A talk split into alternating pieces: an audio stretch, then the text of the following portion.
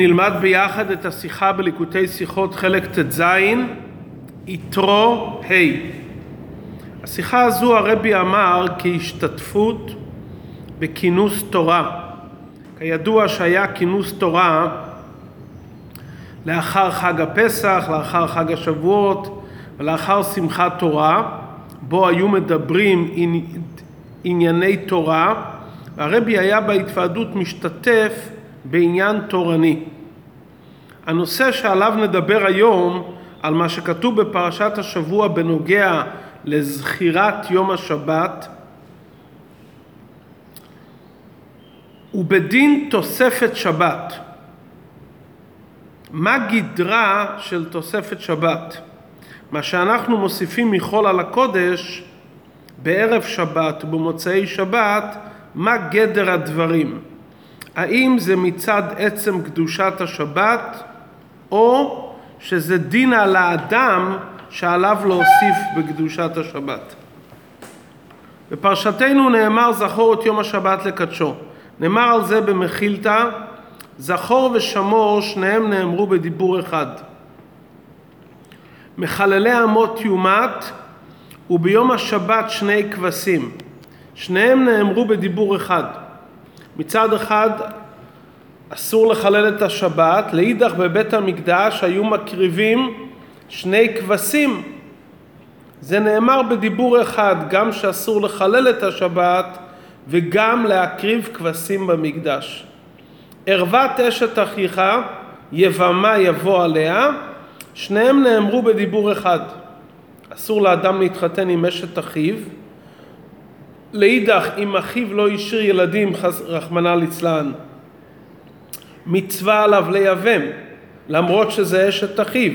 זה נאמר בדיבור אחד גם האיסור וגם המצווה. ועל דרך זה לא תשבש שעטנז גדילים תעשה לך שבציצית מותר ללבוש כן צמר ופשתין גם זה נאמר בדיבור אחד.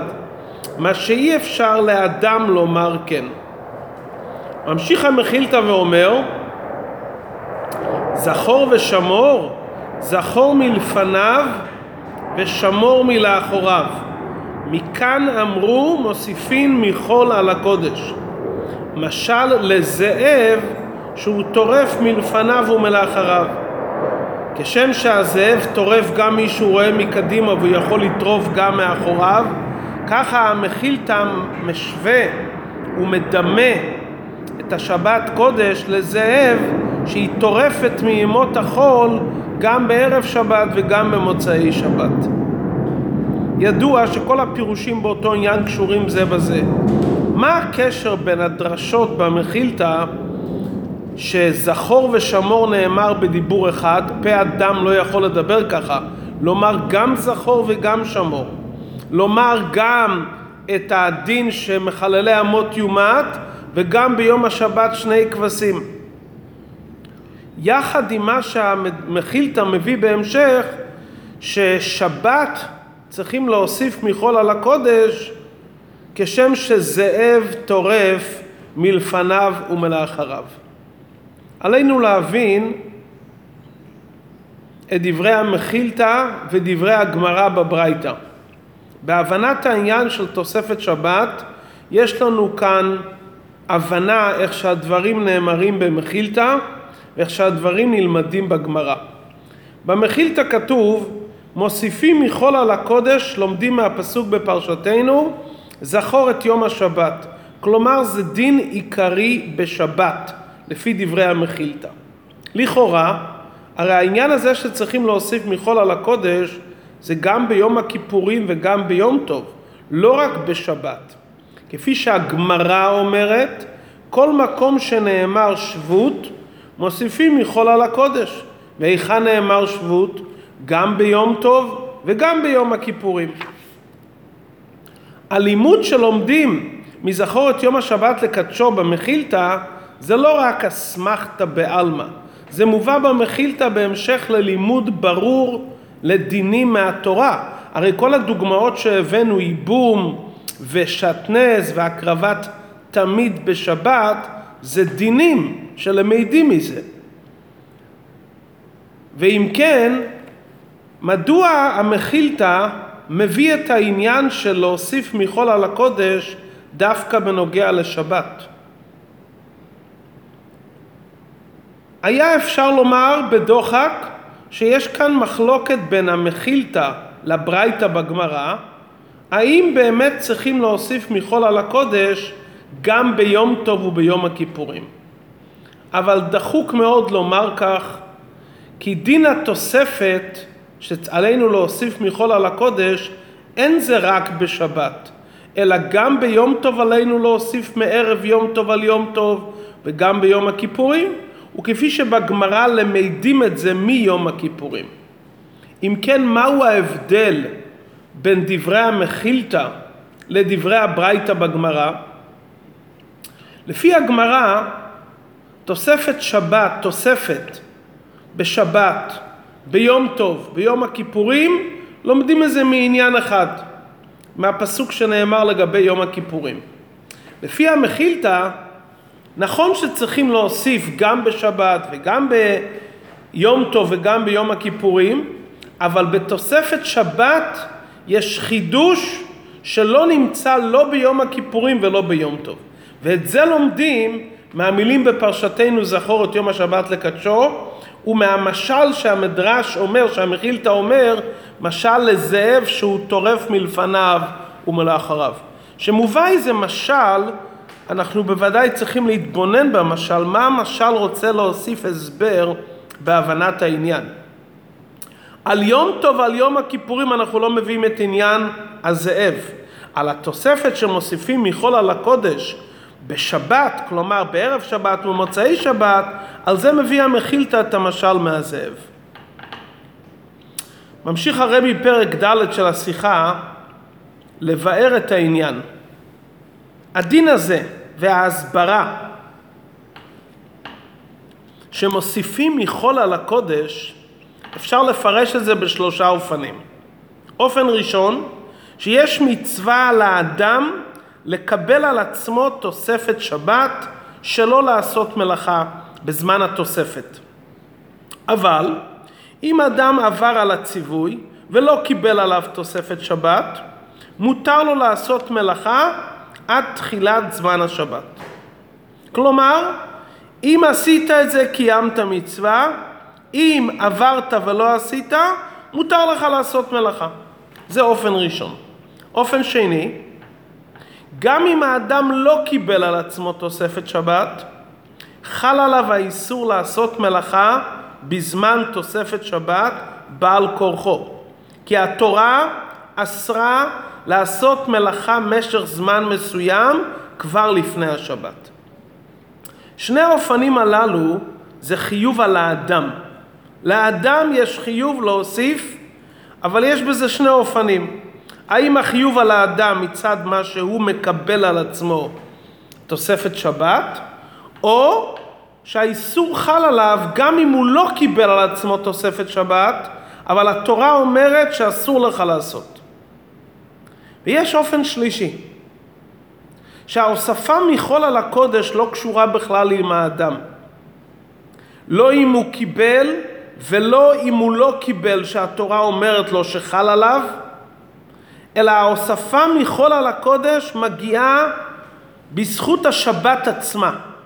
כלומר, החפצה של שבת, קדושת השבת מצד עצמה, מוסיפה מלפניו ולאחריו. קדושת השבת מתפשטת וממילא, מכיוון שקדושת השבת מתפשטת, על האדם אסור לעשות מלאכה. וזה בעצם ההוספה והחידוש שיש בדברי המחילתא ביחס לדברי הש"ס. בגמרא, בברייתא, בגמרא, הציווי הוא רק על האדם. איפה שכתוב שבות, אתה האדם יש עליך מצווה, זה דין על האדם שעליו לשבות ממלאכתו גם בחול שסמוך לקודש. המחילתא אומר דבר יותר עמוק. תוספת שבת זה מצד השבת עצמה. זה לא רק מצד האדם, ועל זה הוא מביא את המשל מזאב. כמו שזאב טורף, כלומר, לא שאלו שנטרפים מחליטים לבוא לזאב, אלא הזאב הוא הטורף, ככה ההוספה מחול על הקודש, השבת עצמה טורפת מלפניה ומלאחריה. שלכן במחילתא כתוב זכור ושמור זה מצוות עשה, מצוות לא תעשה, בשבת. הגמרא לומדת את זה הרי מיום הכיפורים, שיום הכיפורים האדם ועיניתם את נפשותיכם כבר בתשעה עוד לפני עיצומו של יום. כלומר הגמרא לומדת את זה מהאמור על האדם, שהאדם מתענה מבעוד יום בתשעה, בט' תשרי, שאז אין עיצומו של יום מכפר. במחילתא לומדים את זה משבת. מה ההסברה שבדבר? למה המחילתא אומר שהנקודה הזאת היא קשורה דווקא עם שבת, וביום טוב ויום הכיפורים זה קשור יותר עם האדם? מי גורם את קדושת השבת ומי גורם את קדושת יום טוב ויום הכיפורים? שבת הרי היא מקדשה וקיימה. השבת קדושה בעצם מצד החפץ של שבת. שבת קדושתה לא קשורה עם מעשה האדם. כל שבת שמגיע היום השביעי זה קדוש מצד עצמו.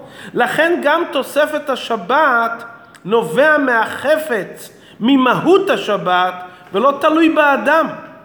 מה שאין כן יום הכיפורים ויום טוב, זה נקבע לפי התאריך החודשי. מי מקדש את החודשים? עם ישראל. בלשון חכמינו ישראל קדשינו לזמנה. אז כל המושג של חודש והתאריכים בחודש קשורים עם קביעת החודש לפי ישראל. לכן גם התוספת שקשורה עם יום טוב ויום הכיפורים, זה תלוי באדם. כלומר שבת, היות והשבת קדושה מצד עצמה, אז הקדושה היא מצד החפץ של השבת, כי השבת היא מקדשה וקיימה, ועל זה בא המשל מהזאב, זה מהעניין בעצמו, לא מצד האדם. מה שאין כן יום טוב ויום הכיפורים שקשורים בקביעות החודש, זה תלוי באדם ולכן על האדם להוסיף בשביתה מחול על הקודש. ויש בזה השלכה מעשית למעשה. לפי שיטת הגמרא, מה שמוסיפים מחול על הקודש זה חיוב אחד על האדם בכל מקום שנאמר שבות, האדם צריך להוסיף בשביתה מחול על הקודש. לומדים את זה מפסוק אחד, וזה ציווי אחד, הן על שבת, הן על יום טוב, הן על יום הכיפורים. מה שאין כן לשיטת המחילתא, בשבת יש עניין מיוחד, ויום הכיפורים ויום טוב זה עניין אחר. ויהיה בזה גם השלכה מעשית לפועל. לפי מה שהגמרא אומרת, אז אם אדם מוסיף מחול על הקודש, הוא קיים מצוות עשה. אם הוא עשה מלאכה בזמן התוספת, הוא רק עבר על מצוות עשה. איזה מצווה? תשבתו. אבל לא על לא תעשה, כי השבת עדיין לא חלה עליו, זה רק מצידו. מה שאין כן לפי שיטת המחילתא, שהשבת עצמה מתקש... מתפשטת מלפניה ומאחריה, אם אדם יעשה מלאכה בזמן תוספת שבת, הוא גם עובר על הלאו שלא תעשה כל מלאכה שישנו מצד קדושת השבת. כלומר, אם זה כבר שבת מצד השבת, כדעת המחילתא, הוא עובר לא רק שהוא ביטל מצוות עשה, הוא גם עבר על לא תעשה, כי זה ממש התוספת קדושה כקדושת השבת ממש. לפי דברי הגמרא, שזה תלוי באדם, אז הוא עבר על מצוות עשה, אבל לא עבר על לא תעשה. היה אפשר לומר אולי שגם הגמרא סוברת כדעת המחילתא שהשבת עצמה טורפת, ורק שהגמרא אומרת שיש גם על האדם מצווה וחיוב לקבל על עצמו הוספה מחול על הקודש. כמו ששבת מקדשה וקיימה, ובכל זאת אומרים לאדם, זכור את יום השבת לקדשו. כלומר, השבת עצמה קדושה, אבל יש מצווה וחיוב על האדם גם לקדש את הזמן. כך היה אולי אפשר לומר, אבל אי אפשר לומר כך. מדוע? כי הגמרא אומרת כל מקום שנאמר שבות. כלומר הגמרא מדגישה שההוספה מחול על הקודש קשורה עם שביתה ממלאכה, לא עם קדושה, עם שביתה. המחילתא אומר הרי שקדושת השבת מתפשטת. הגמרא לא מדברת על קדושה. הגמרא מדברת, אתה האדם, איפה שכתוב שביתה, תשבות ממלאכה. דבר שני, בגמרא הרי משווים שבת, יום הכיפורים ויום טוב. אבל איך שאנחנו עכשיו למדנו, שלפי דעת המחילתא יש הבדל בין שבת ליום הכיפורים ויום טוב.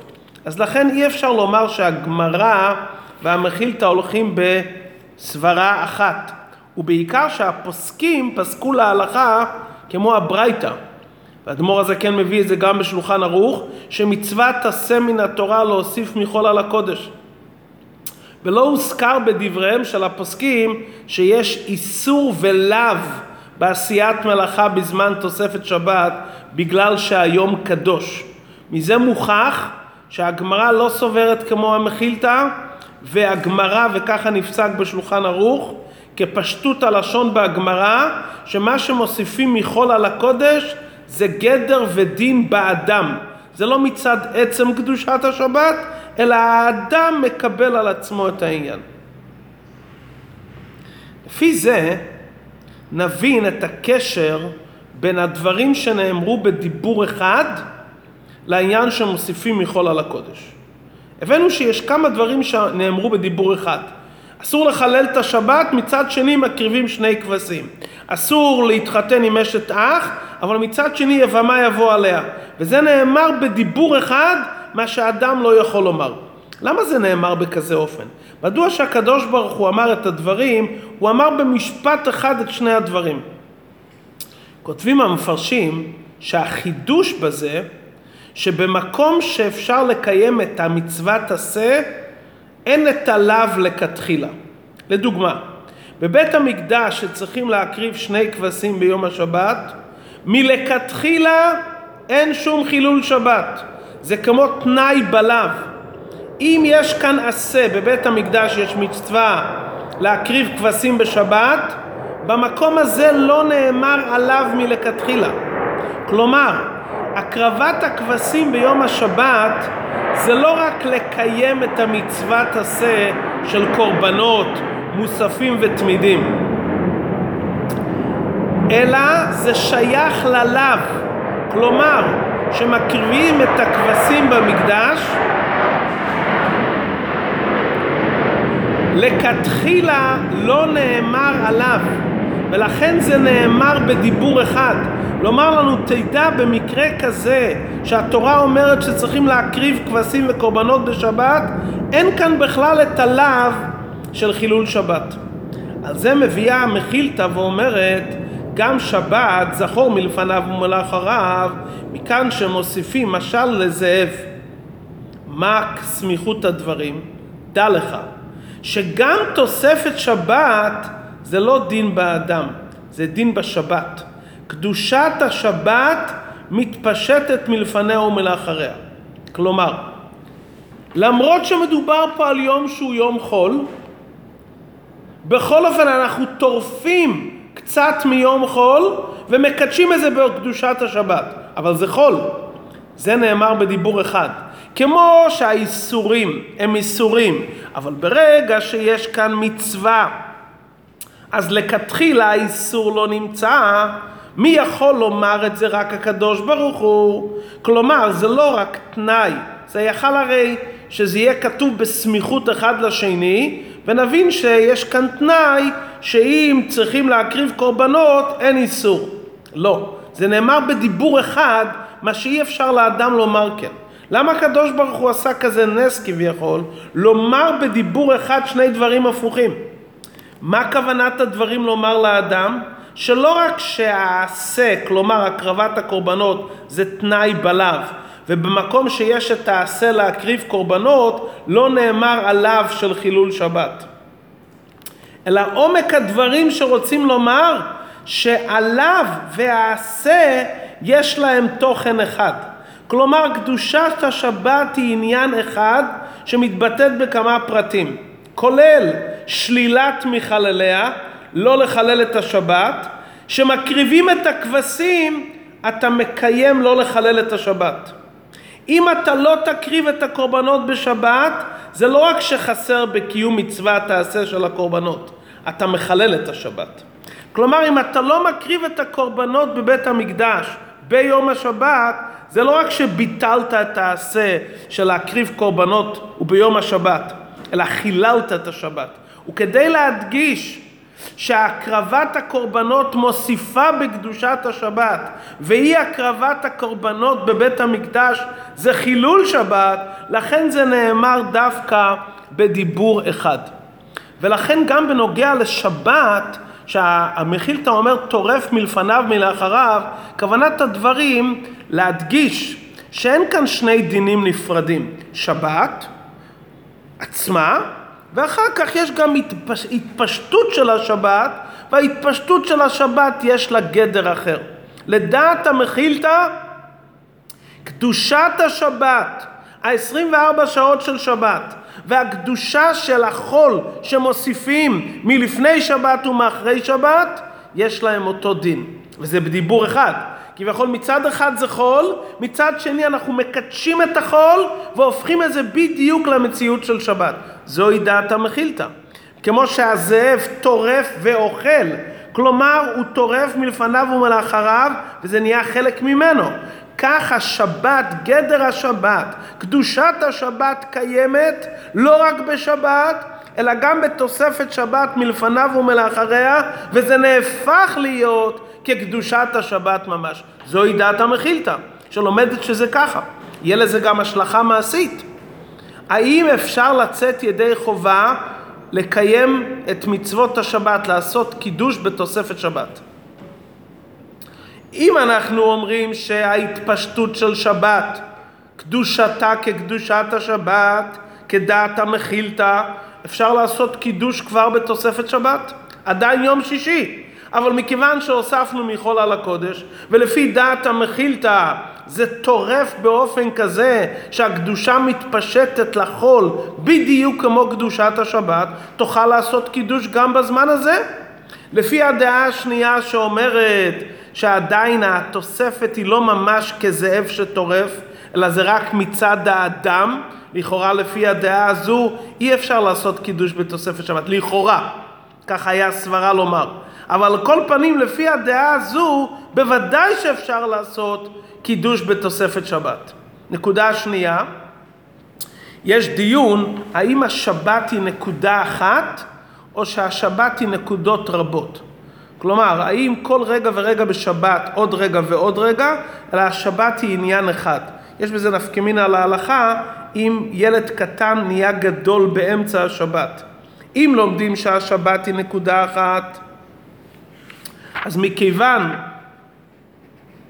שהשבת לא חלה עליו בכניסת שבת, כי אז הוא היה קטן, אז הוא לא חייב במצוות של שבת. אבל אם כל רגע בשבת זה רגע בפני עצמו, אז באותו רגע שהוא נהיה גדול, הוא מתחייב לשמור שבת מהתורה. אם אנחנו לומדים שהשבת היא נקודה אחת, אז השבת היא נקודה אחת לא רק מכניסת השבת, אלא מתוספת השבת. לפי דעת המחילתא שהקדושה מתפשטת לצדדים, אז זה שאומרים ששבת היא נקודה אחת, זה כבר מתחיל ממה שמוסיפים מחול על השבת בערב שבת, עד התוספת שלאחר מוצאי שבת, זה נקודה אחת של קדושת שבת שמתפשטת.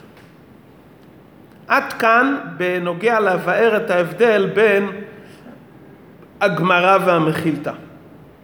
הרב מביא בסעיף י"א את דברי הרב הצמח צדק, שאומר שמה שאומרים על שבת שהיא זאב וטורף מלפניו ומאחוריו, זה קשור עם מה שלמדנו על בנימין בן יעקב, שהתורה אומרת עליו בנימין זאב יטרף. אומרת הגמרא, המזבח היה בחלקו של בנימין שנקרא טורף. מה הקשר בין המזבח שנקרא זאב? נאמר במדרש, מה הזאב הזה חוטף? כך היה המזבח חוטף את הקורבנות. אז המזבח נקרא גם זאב וחוטף, בנימין זאב יטרף. מה שדיברנו קודם בחלק הניגלה של התורה בעניין תוספת שבת, נבין את זה גם במזבח.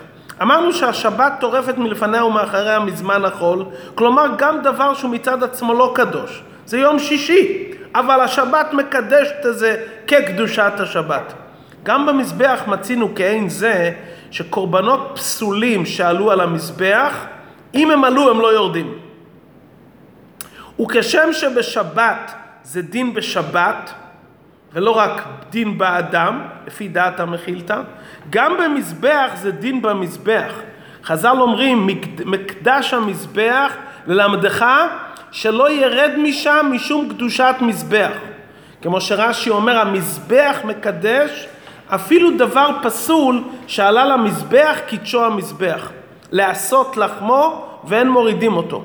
כלומר, זה שאם משהו עלה בטעות על המזבח הוא לא יורד, זה לא רק מצד האדם. היות והקרבת משהו והקטרת משהו, חל עליך חיוב לא להוריד את זה. יש עליך חיוב להשאיר אותו. ולא רק שאם זה נמצא על המזבח אסור לך להוריד, אלא זה דין במזבח. המזבח מקדש בקדושתו, הוא חוטף גם את אותם דברים שאין להם שייכות למזבח. ומכיוון שהדבר נעשה קדוש בקדושת המזבח, ממילא הוא לא ירד וצריכים להקריב אותו על המזבח. כמו שדיברנו בשבת, שהשבת טורפת את יום החול, ככה המזבח, אם עלה דברים עליו, לא מורידים אותו ואי אפשר להוריד אותו כי הוא נהיה קדוש בקדושת המזבח. אז לכן זה דומה לקורבן. בנימין זאב יטרוף, כמו שהשבת טורפת, גם המזבח טורף. אבל עדיין זה לא מספיק, מכיוון שסוף כל סוף מה שאמרנו על מזבח, שאם עלה לא ירד, זה דווקא אם הוא עלה על גבי המזבח. לא מה שנמצא סמוך למזבח. דבר שני, לא מצינו במזבח טורף מלפניו ולאחריו. והדבר העיקרי, הנקודה הזאת היא שדבר פסול, חל עליו קדושה אם הוא עולה למזבח, זה לא רק במזבח החיצון שהושווה לזאב טורף, אלא גם מזבח הפנימי וכל כלי השרת, יש בהם אפילו יתרון, כי מזבח הפנימי מקדש פסולין בין ראויים בין שאין ראויים לו, מה שאין כמזבח החיצון מקדש רק פסולים שראויים לו. אז לכן צריך לומר שהדימוי במדרש בין מזבח לזאב טורף זה לא רק בנוגע לקורבנות, אלא בעיקר בנוגע לזמן של הקורבנות. הרי על בנימין שהוא עליו נאמר זאב יטרף כתוב בבוקר יאכל עד ולערב יחלק שלל. כמו שהמזבח חוטף ככה המזבח חוטף, כמו שהזאב חוטף ככה המזבח חוטף. בבוקר יאכל עד, כבש אחד בבוקר, ולערב תמיד של בין הארבעים. מתי זה הזמן שמקריבים את הקורבנות? רק ביום. לומדים מהפסוק ביום צוותו, כל הקורבנות מקריבים רק ביום. אבל מצינו כבר במשנה בתחילת הש"ס, הכתר חלבים ואיברים מצוותם כל הלילה. כלומר, גם לאחר שסיימו תמיד של בין הארבעים, החלבים והאיברים מקטירים אותם כל הלילה. אחרי תמיד של בין הארבעים. הצד השני, מתי מתחילים לתרום את הדשן, להוריד את הדשן על גבי המזבח, לתרום, זה עושים כבר מחצות לילה. כלומר שהמזבח מבחינת הזמנים, למרות שהתורה אומרת ביום צוותו, אבל הקורבנות עובדים גם בלילה עד חצות לילה, וגם תרומת הדשן מתחיל כבר לפני זה, כבר מחצות לילה. אם כן, הדמיון של המזבח לזאב זה בהקטר חלבים ואחרים, הקטר חלבים ואיברים שבאים לאחר השלמת הקורבנות ותרומת הדשן, זה מלפניו ומלאחוריו. ועד כדי כך שהמפרשים אומרים שחייבים להשאיר את האיברים והחלבים להקטיר בלילה לכבוד המקום כדי שלא יהיה בטל המזבח לא ביום ולא בלילה. עד כאן, איך שכתוב בשיחה. מה שאנחנו רואים פה דבר נפלא בשיחה, שלא כתוב בפירוש, כאן בשיחה, הנקודה הזאת שזה נאמר בדיבור אחד ההן ועליו, זה מרמז מאיפה זה מגיע. הרי הקדוש ברוך הוא למעלה מחיוב ושלילה. ולהתחבר אליו אפשר להתחבר לפי רצונו. אז למרות שבכלל אסור בשבת לחלל את השבת בהקרבת קורבן, כלומר בהדלקת אש וכולי, וכן ביבמה ושעטנז, אבל מכיוון שהמצוות באים ממנו בעצמו, והוא למעלה מציור של חיוב ושלילה, אז הוא אומר את החיוב והשלילה בדיבור אחד. כלומר, יש להראות שהכל הולך לפי הרצון האלוקי שהוא מושלל מכל גדר של חיוב ושלילה, אז זה נאמר בדיבור אחד לומר למי אנחנו קשורים כאן, אתה קשור בהקרבת הקורבנות בדיוק למי שאמר שאסור לחלל את השבת. כי אין ההקרבה ואין שמירת השבת באים ממקום של למעלה מחיוב ושלילה. העניין הזה מבואר באריכות בחסידות בנקודה הזאת של בדיבור אחד. זה נקודה אחת. הנקודה העיקרית שגם שההלכה נפסקה כדעת הברייתא שזה על האדם, אבל עדיין המחילתא, מה שהמחילתא אומר, שבשבת יש קדושה עצמית, זה הרי מקדשה וקיימא, ולדעת המחילתא עד כדי כך קדושת השבת, שהיא טורפת ומקדשת גם את התוספת שיהיה קדושה כמו קדושת השבת.